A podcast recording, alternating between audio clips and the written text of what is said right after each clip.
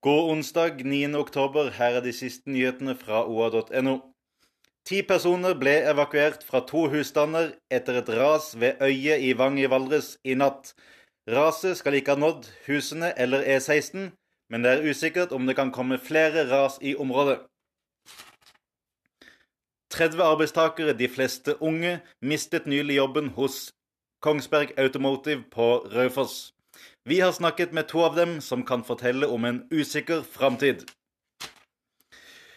Tirsdag formiddag omkom en mann i 20-årene fra Lillehammer i møteulykke på fv. 51 i Valdres. Daglig leder i rørleggerfirmaet mannen jobbet for, sier til OA at deres tanker går til de pårørende og berørte etter ulykken.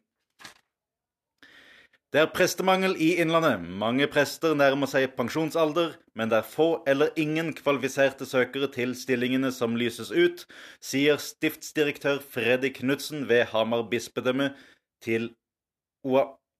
Følg med på oa.no for de siste og viktigste nyhetene fra Vest-Oppland.